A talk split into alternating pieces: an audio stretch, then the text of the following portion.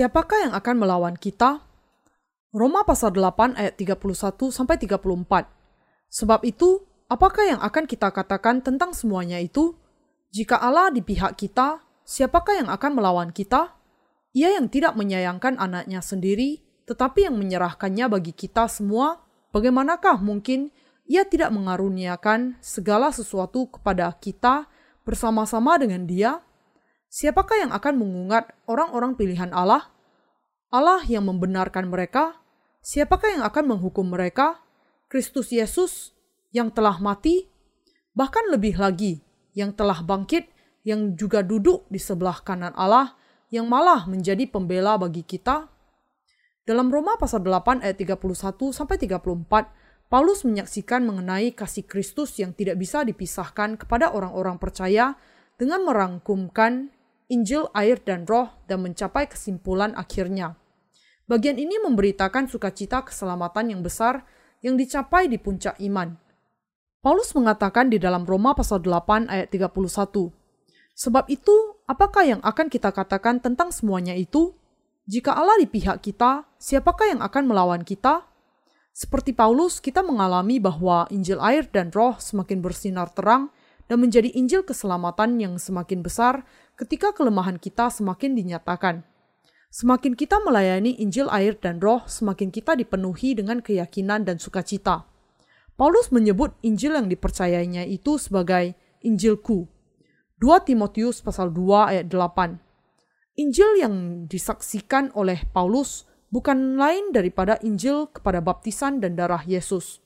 Injilku yang diwartakan Paulus tidak menyebut mengenai Injil salib yang dipercayai oleh orang-orang yang mengaku beragama tetapi Injil air dan roh yang mewartakan berkat bahwa Yesus menanggung segala dosa manusia sekali untuk selamanya. Injil ini menjadikan Paulus berani karena ia menerima pengampunan dosa, kebenaran Allah memenuhi hatinya, dan hatinya juga dipenuhi dengan roh kudus. Ia mengabdikan dirinya untuk memberi kesaksian mengenai Injil air dan roh sepanjang hidupnya.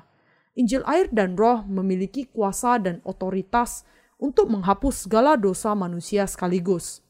Siapa kemudian yang bisa melawan Injil air dan roh yang dipercayai oleh Paulus? Tidak ada. Roma pasal 8 ayat 31 mengatakan, Sebab itu, apakah yang akan kita katakan tentang semuanya itu? Jika Allah di pihak kita, siapakah yang akan melawan kita? Siapa di dunia ini yang bisa melawan mereka yang percaya kepada Injil air dan roh? Ketika Allah menyelamatkan manusia dari segala dosa dunia melalui Injil air dan roh, Siapa yang menganggap remeh kuasanya?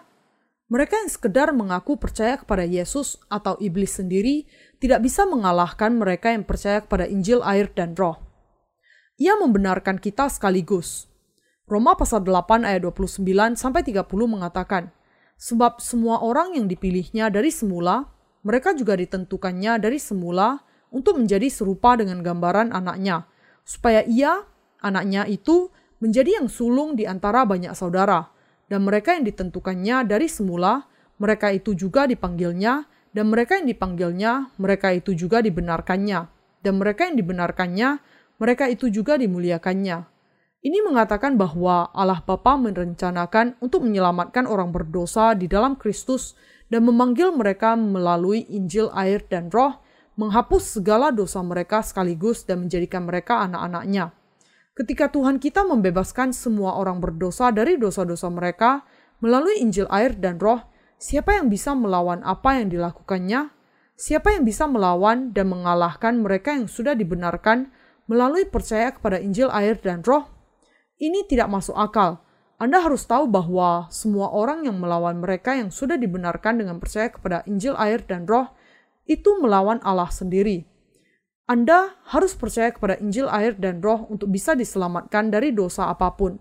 Kalau di dalam pikiran dan hati Anda sedang melawan Injil kebenaran, maka Anda tidak bisa diselamatkan dari dosa dan akan dimasukkan neraka. Tidak ada yang bisa melawan mereka yang memiliki kebenaran Allah. Sebab itu, apakah yang akan kita katakan tentang semuanya itu? Jika Allah di pihak kita, siapakah yang akan melawan kita? Roma pasal 8 ayat 31. Bahwa Allah di pihak kita mewakili kenyataan bahwa ia menghapus segala dosa kita melalui Injil, air, dan roh dan telah menyelamatkan kita. Siapa kemudian yang dapat melawan mereka yang sudah diampuni dosa-dosanya dengan percaya Injil, air, dan roh? Dan siapa yang bisa mengatakan kalau iman yang demikian itu salah? Hal itu hanyalah usaha yang sia-sia. Allah mengakui iman mereka yang percaya kepada Injil, air, dan roh. Bagaimana orang bisa menentang hal ini? Yesus menanggung segala dosa dunia melalui baptisannya dan darahnya di kayu salib. Siapa yang bisa mengatakan bahwa mereka yang percaya kepada hal ini salah? Tidak ada. Dalam Roma pasal 6 ayat 3, Paulus berkata, Atau tidak tahukah kamu bahwa kita semua yang telah dibaptis dalam Kristus telah dibaptis dalam kematiannya? Yang dimaksud Paulus adalah bahwa ia percaya kepada baptisan dan darah Yesus di kayu salib yang melalui hal itu segala dosa ditanggungkan kepada Yesus dan dibasuh dan dengan itu Paulus mati dan bangkit bersama Yesus. Galatia pasal 3 ayat 27 juga mengatakan, karena kamu semua yang dibaptis dalam Kristus telah mengenakan Kristus. Bagian ini mengatakan bahwa Yesus menanggung segala dosa dunia dengan baptisannya, disalibkan di kayu salib untuk dosa-dosa itu, dan dibangkitkan dan mencurahkan kepada kita berkat supaya mereka yang percaya kepada kebenaran ini akan menjadi anak-anak Allah. Iman Paulus didasarkan kepada kepercayaan bahwa ia dibaptiskan dalam Yesus, mati di kayu salib dengan dia, dan dibangkitkan dengan dia. Karena itu, sekali Anda percaya kepada baptisan Yesus, semua dosa-dosa Anda dibasuhkan dan Anda menjadi anak Allah dengan dibangkitkan bersama Kristus. Karena kamu semua yang dibaptis dalam Kristus telah mengenakan Kristus. Dengan kata lain, mereka yang percaya bahwa Yesus datang ke dunia ini dan dibaptiskan oleh Yohanes Pembaptis untuk menanggung segala dosa dunia, dibaptiskan dalam Yesus. Selanjutnya, mereka juga percaya bahwa mereka mati di kayu salib bersama Yesus dan dengan iman mereka dibangkitkan dengan dia. Semua orang yang percaya kepada baptisan dan darah Yesus akan diselamatkan dari dosanya. Sama pastinya dengan kenyataan bahwa Yesus adalah anak Allah, mereka yang ditebus dari dosa-dosanya dengan percaya kepada baptisan dan darah Kristus akan menjadi anak-anak Allah. Karena kamu semua yang dibaptis dalam Kristus telah mengenakan Kristus. Ketika kita percaya kepada Injil, air, dan roh, kita mengenakan kebenaran Kristus untuk menjadi anak-anak Allah. Paulus berbicara mengenai baptisan Yesus karena ia menerima berkat besar dengan percaya kepada Injil, air, dan roh. Tetapi banyak yang belum menerima berkat seperti itu dari Allah yang menyertai Injil, air, dan roh. Banyak orang mengira bahwa Injil yang diberitakan Paulus adalah Injil darah di kayu salib. Tetapi yang benar adalah bahwa ia percaya dan memberitakan Injil, air, dan roh yang menggabungkan baptisan Yesus dengan darahnya di kayu salib. Mengapa kemudian para pengikut Yesus di zaman ini tidak mengerti Injil air dan roh ini? Itu karena Injil air dan roh yang diwartakan di gereja mula-mula sudah bergeser sejalan dengan waktu. Di zaman gereja mula-mula, semua orang percaya dan memberitakan Injil air dan roh. Dalam perkembangannya, Injil dibelokkan dan diwartakan hanya berisi darah Kristus sementara baptisannya secara perlahan dipinggirkan. Ini menjelaskan alasan banyak orang hanya percaya kepada darah di kayu salib yang menyimpang dari Injil sejati di zaman gereja mula-mula. Orang-orang ini masih memiliki dosa di dalam diri mereka. Mereka tidak tahu akan Injil, air, dan Roh yang menyatakan kebenaran Allah, dan dengan demikian mereka masih berdosa dan mereka masih melawan kebenaran Allah meskipun mereka berkata kalau mereka percaya kepada Yesus. Apa yang bisa dilihat oleh orang-orang yang buta secara rohani? Orang buta mungkin mencoba tahu gajah dengan cara merabanya. Orang buta mungkin meraba kakinya dan kemudian mengatakannya, seperti tiang, dan orang buta yang lain mungkin meraba hidungnya dan mengatakannya berbentuk panjang, karena memang keduanya belum pernah melihat gajah. Demikian juga orang-orang yang buta secara rohani tidak bisa berbicara mengenai kehebatan Injil air dan roh. Karena itu mereka yang tidak mengenal berkat air dan roh tidak bisa mewartakannya. Mereka yang sudah melihat bisa dengan mudah memahami apa yang orang lain coba jelaskan dengan kata-kata. Tetapi orang buta tidak akan pernah sungguh-sungguh memahaminya. Manusia dilahirkan berdosa. Karena kita secara rohani berdosa sejak kita lahir, kita tidak mengenal kebenaran Injil air dan roh. Mereka yang hanya percaya kepada darah di kayu salib sudah membuat kekristenan versi baru sendiri. Bagaimana mungkin dosa dihapuskan kalau mereka mengatakan hanya percaya kepada Yesus dan hanya percaya kepada darah di kayu salib saja? Hanya akan menumpuk semakin banyak dosa sejalan dengan berlalunya waktu. Mereka yang hanya percaya kepada darah Yesus sebagai keselamatan adalah mereka yang belum diterangi secara rohani. Tetapi Yesus dengan jelas mengatakan di dalam Yohanes pasal 3 ayat 5, jika seorang tidak dilahirkan dari air dan roh, ia tidak dapat masuk ke dalam kerajaan Allah. Karena itu, kita harus percaya kepada Injil air dan roh supaya bisa diberkati dengan kemuliaan menjadi anak-anak Allah dan masuk ke dalam kerajaannya. Karena Paulus percaya kepada Injil air dan roh, ia berkata dengan iman, jika Allah di pihak kita, siapakah yang akan melawan kita? Roma pasal 8 ayat 31. Bisakah mereka yang tidak mengenal Injil air dan roh melawan anak-anak Allah? Mereka bisa saja melawan anak-anak Allah, tetapi mereka tidak akan pernah bisa menang atas anak-anak Allah. Mereka yang hanya percaya kepada darah di kayu salib tidak bisa menang atas mereka yang percaya kepada Injil, air, dan Roh. Mereka yang melawan kebenaran Allah hanya bisa menjadi musuhnya, dan dengan demikian tidak pernah menerima berkatnya. Tidak ada orang yang bisa menerima keselamatan atau memiliki iman yang akan membawanya ke surga tanpa percaya kepada Injil, air, dan Roh Injil di mana kebenaran Allah dinyatakan. Mereka yang percaya kepada Injil air dan roh dengan demikian bisa menang atas Injil palsu dan kembali kepada yang benar. Anak-anak Allah bisa mengalahkan dunia dan iblis sendiri. Ada yang tidak jelas mengerti baptisan dan darah Yesus, dan kesalahpahaman mereka membawa mereka kepada iman yang salah. Kalau Anda percaya kepada darah di kayu salib, tetapi tidak banyak memikirkan mengenai menerima pengampunan dosa di dalam Injil baptisan Yesus, maka iman Anda keliru. Mereka yang percaya kepada Injil air dan roh di hadapan Allah adalah orang-orang yang akan menerima kebenarannya dan memiliki iman sejati. Allah mengatakan bahwa mereka yang hanya percaya kepada darah anaknya di kayu salib itu salah. Mereka yang tidak percaya kepada kebenarannya tidak percaya atau mengakui Injil air dan roh, tetapi mereka yang percaya kepada kebenarannya juga percaya kepada darah Kristus di kayu salib dan baptisannya yang menanggung segala dosa. Kita harus menyingkiri keras kepala kita. Mereka yang tidak percaya kepada Injil air dan roh meyakini bahwa kepercayaan mereka yang keliru itu sebagai benar. Mereka yang hanya percaya kepada darah memiliki setengah iman kepada kebenarannya. Hanya mereka yang percaya kepada Injil air dan roh memiliki iman yang penuh. Dan hanya mereka yang percaya kepada kebenaran Allah dan mendapatkan kebenarannya Matius pasal 3 ayat 15. Pasal 11 ayat 11. Buku-buku yang ditulis oleh orang-orang yang hanya percaya kepada darah hanya menambah sampah kertas saja. Doktrin-doktrin yang pernah didiskusikan oleh para teolog sekarang diabaikan oleh orang Kristen, tetapi Injil air dan roh menerima banyak perhatian. Kebenaran ini sudah ada sejak zaman rasuli dan tidak akan pernah berubah. Firman Allah tetap untuk selamanya. Tetapi mereka yang hanya semata percaya kepada darah akan dihapus dari ingatan manusia. Apa alasannya? Karena darah yang hanya setengah dari kebenaran Allah tidak memiliki pengaruh kepada orang berdosa dengan sendirinya. Terus terang, banyak orang zaman ini, baik orang Kristen maupun bukan Kristen, melakukan begitu banyak dosa. Bagaimana bisa semua dosa ini diampuni hanya dengan darah?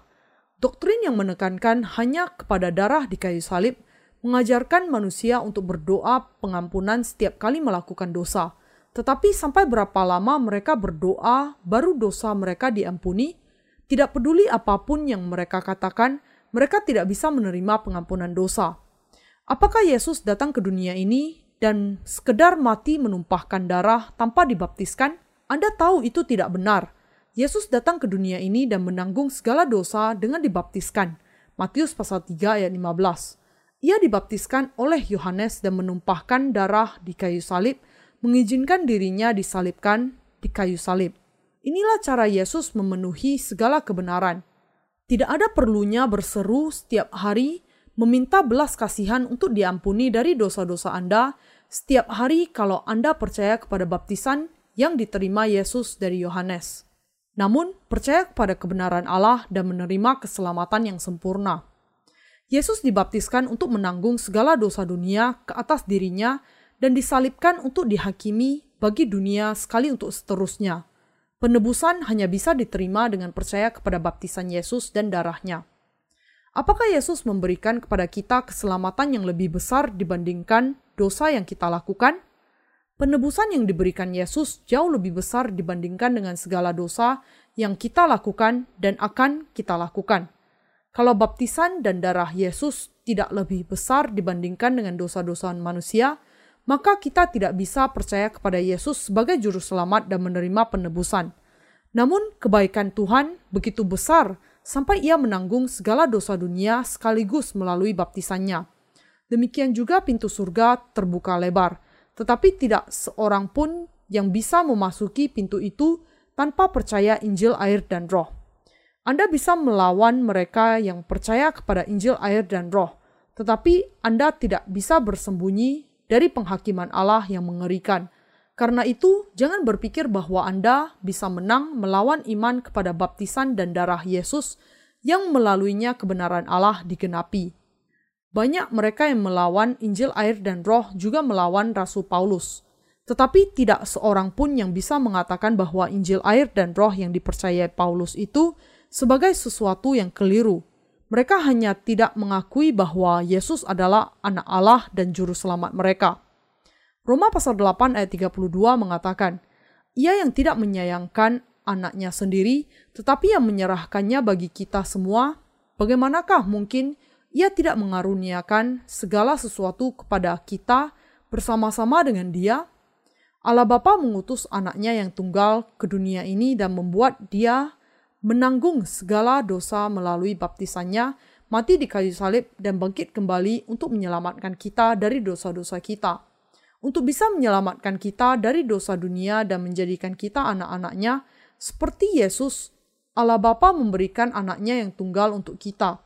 Supaya Allah menjadikan orang-orang yang percaya kepada Injil air dan roh sebagai anak-anaknya dan yang diberkati serta benar, ia sudah mengutus anaknya yang tunggal untuk dibaptiskan Allah sudah merencanakan untuk mencurahkan kepada manusia semua berkat surgawi dan Injil air dan roh. Salah satu dari berkat itu adalah menjadi anaknya dengan percaya kepada Injil air dan roh. Ia yang tidak menyayangkan anaknya sendiri, tetapi yang menyerahkannya bagi kita semua, bagaimanakah mungkin ia tidak mengaruniakan segala sesuatu kepada kita bersama-sama dengan dia? Roma pasal 8 ayat 32. Segala sesuatu di sini menunjuk kepada anugerah Allah. Anugerah apa? Allah memberikan kepada mereka yang menerima Yesus dan percaya kepada namanya hak menjadi anaknya, yaitu mereka yang percaya kepada Injil air dan roh dijadikan anak-anak Allah. Mereka yang percaya kepada Injil air dan roh itu tidak berdosa.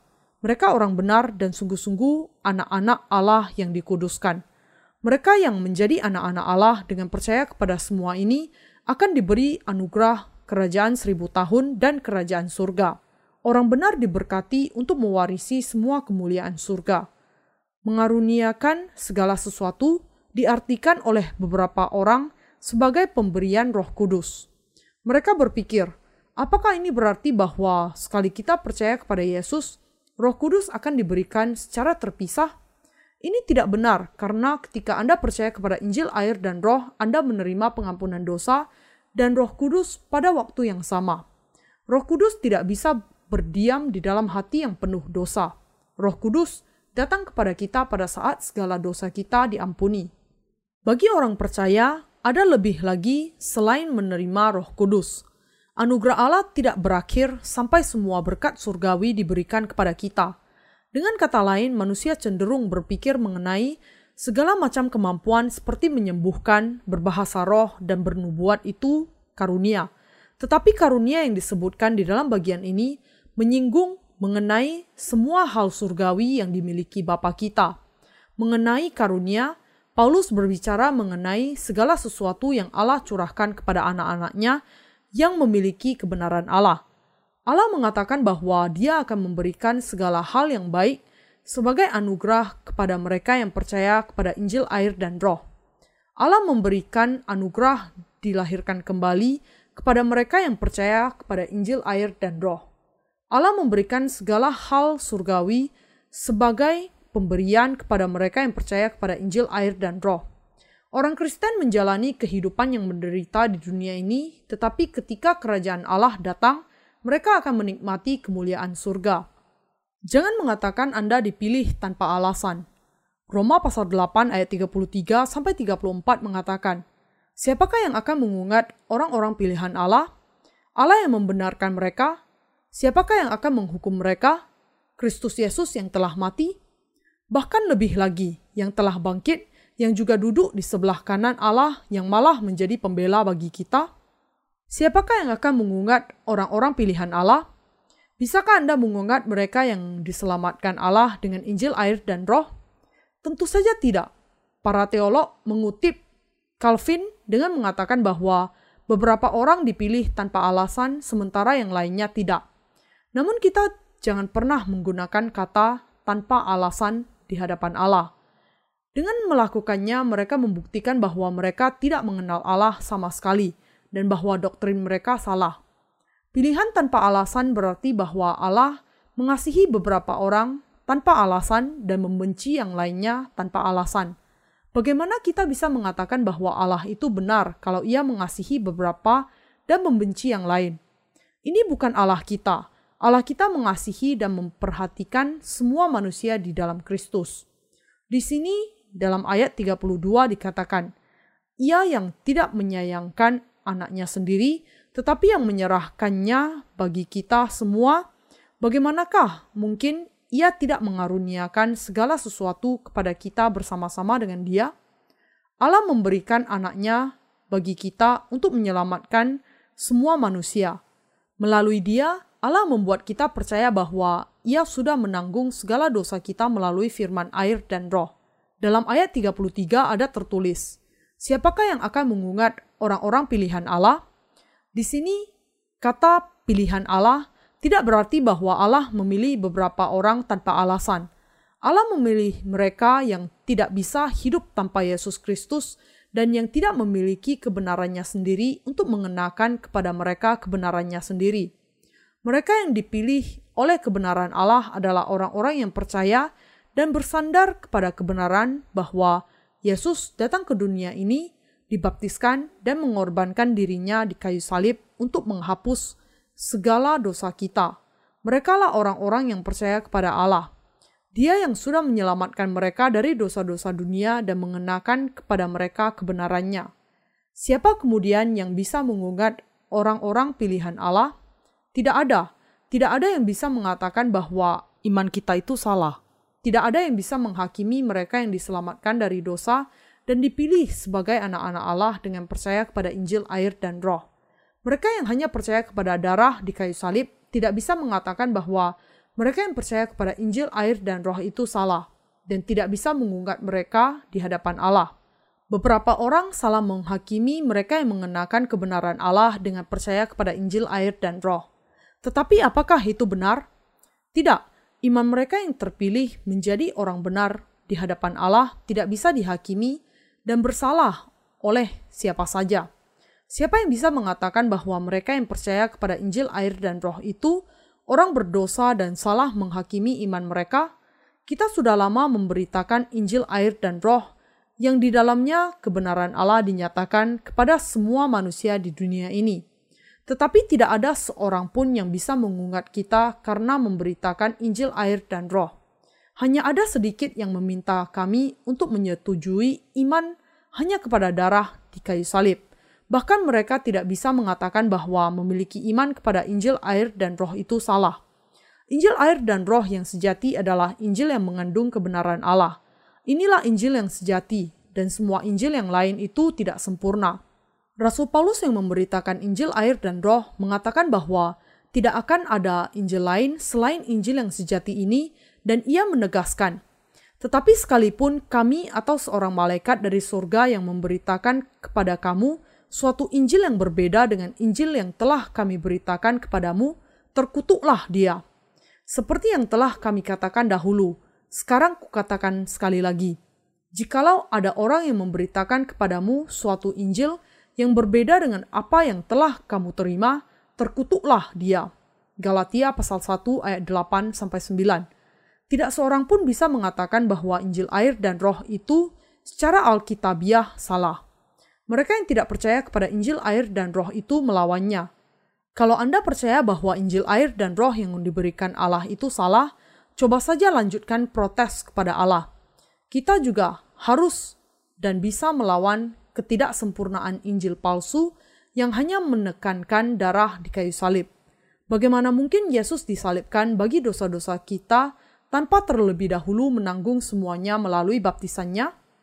Jangan mengatakan bahwa orang yang percaya kepada kebenaran Allah memiliki dosa.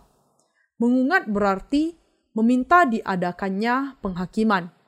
Satu-satunya yang bisa mengungat mereka yang percaya kepada Injil air dan roh adalah para penjahat. Mereka yang percaya kepada Injil air dan roh memiliki iman kepada kebenaran Allah. Jadi siapa yang dengan keliru menghakimi iman mereka? Siapa yang bisa mengatakan kalau mereka salah? Tidak ada, karena Allah yang membenarkan mereka. Tidak ada yang bisa menuduh orang-orang percaya kepada Injil air dan roh sebagai memiliki dosa. Allah yang membenarkan mereka. Roma pasal 8 ayat 33. Siapa yang bisa menyatakan orang yang percaya kepada Injil, air, dan Roh sebagai tidak berdosa? Hanya Allah. Ia menyatakan dengan kebenarannya bahwa orang yang percaya kepada Injil, air, dan Roh itu dibenarkan. Dibenarkan tidak bisa diterapkan bagi mereka yang masih memiliki dosa, tetapi bisa diaplikasikan bagi mereka yang dosa-dosanya sudah diampuni, menjadikannya tidak berdosa dan dibenarkan. Ketika Allah mengatakan bahwa orang-orang yang percaya kepada Injil, air, dan Roh itu tidak berdosa, siapa yang berani mengatakan kalau mereka salah dan tidak memiliki kebenaran Allah? Tidak ada teolog di dunia ini yang bisa mengatakannya. Kekristenan zaman ini sudah dicemari dengan doktrin pengudusan yang mencoba mencapai kekudusan agama. Seorang teolog di Inggris setelah bertanya, apakah gereja Allah kudus? Menyatakan bahwa gereja Allah juga memiliki cacat. Jelas, teolog ini tidak mengenal Injil air dan roh dan tidak memiliki iman kepada kebenaran Allah. Tetapi semua orang percaya di dalam gereja Allah percaya kepada Injil air dan roh dan sepenuhnya tidak berdosa. Meskipun ia lemah di dalam daging, ia tetap sempurna dan orang benar Allah yang tidak bercacat. Apakah semua manusia di dalam gereja Allah tidak berdosa? Ya, Gereja adalah tempat di mana orang percaya yang disucikan dan tanpa dosa berkumpul bersama di dalam Kristus. Kalau orang-orang percaya memiliki dosa, berarti mereka bukan anak-anak Allah. Siapa yang menguduskan mereka? Tentu saja iman kepada Injil, air, dan Roh yang menjadikan mereka tidak berdosa dengan menerima kebenaran Allah. Teolog mengatakan bahwa gereja Allah memiliki cacat karena dia tidak percaya dan tidak tahu akan Injil, air, dan Roh. Siapa berani mengatakan bahwa orang yang percaya kepada Injil, air, dan Roh itu orang berdosa? Allah sendiri yang membenarkan mereka. Bisakah kita, orang yang percaya kepada Injil, air, dan Roh, memiliki dosa hanya karena kita lemah? Tentu saja tidak. Lalu, apakah itu berarti bahwa kita tidak memiliki dosa meskipun kita masih melakukan dosa? Ya, kita tidak memiliki dosa Inilah sebabnya kita perlu percaya kepada Injil air dan roh. Manusia tidak bermaksud melakukan dosa dengan sengaja, tetapi karena kelemahan mereka. Hanya ada sedikit orang saja yang dengan sengaja melakukan dosa. Hampir semua kesalahan disebabkan oleh kelemahan manusia. Orang-orang yang percaya kepada Injil air dan roh tidak memiliki dosa di dalam hati mereka karena mereka memiliki kebenaran Allah. Kita tidak berdosa karena Allah menyelesaikan segala dosa kita dengan kebenarannya. Itulah sebabnya Alkitab mengatakan, Allah yang membenarkan. Allah yang menyatakan bahwa orang yang percaya kepada Injil air dan roh itu tidak berdosa karena mereka memiliki kebenarannya.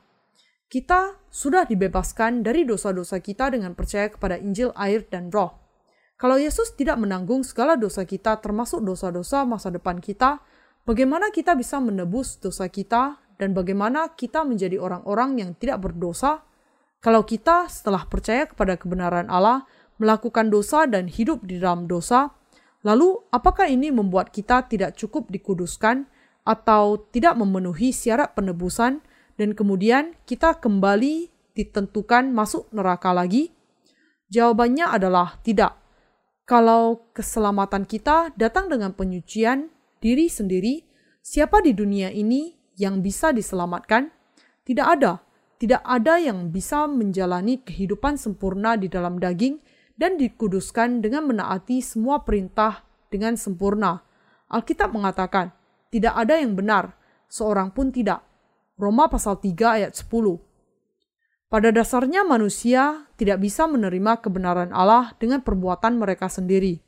Allah mengutus anak tunggalnya yang dibaptiskan oleh Yohanes Pembaptis dan membiarkannya mati di kayu salib untuk menyelamatkan semua manusia dari segala dosa dunia. Mereka yang percaya kepada Injil, air, dan Roh menjadi benar karena iman mereka. Inilah sebabnya bisa ada orang benar meskipun masih hidup di dunia ini. Abraham juga menjadi bapa iman dengan percaya kepada firman Allah.